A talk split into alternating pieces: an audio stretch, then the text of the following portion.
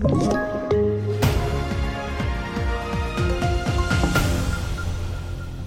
TV4-nyheterna börjar med den personbil som körde in i en skolklass på en trottoar i Charlottenburg i Berlin tidigare idag. Bilen körde vidare och kraschade därefter in i ett butiksfönster. En person som är död nu eh, och det ska enligt rapporter vara läraren för den här skolklassen och sex personer med så allvarliga skador att de är livshotande.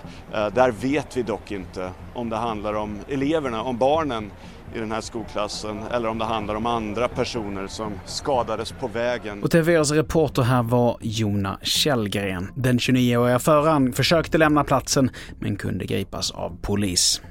Och vidare till Göteborg där en man i 20-årsåldern tidigare dag blev indragen i en svart bil och tvingades under knivhot att ta ut pengar. Det här rapporterar Aftonbladet. Efter det så släpptes han oskadd men polisen söker nu efter rånarna och kontrollerar kameror i området. Och en 29-årig huligan med kopplingar till Köpenhamnslaget Brönnby döms nu för sexuella övergrepp mot flera unga pojkar och män.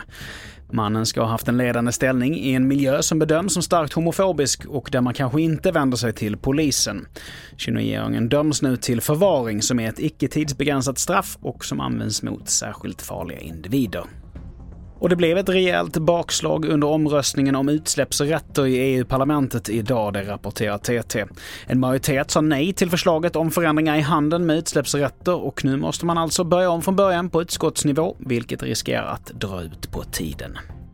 Och till sist, idag så börjar festivalen Sweden Rock i Sölvesborg och ett av de stora dragplåstren där är Guns N' Roses. Och många är ju glada över att vara tillbaka efter pandemiåren. Helt underbart. Vi har ju saknat det här nu i några år och eh, ja, man kommer hit, träffar alla kompisar, lyssnar på bra musik, festar och jädrigt kul. Ja. Ja, nej men det är ju fantastiskt att vara på plats. Det är som att sätta fötterna på helig mark igen. Så det... Fler nyheter hittar du på tv4.se Jag heter Mattias Nordgren.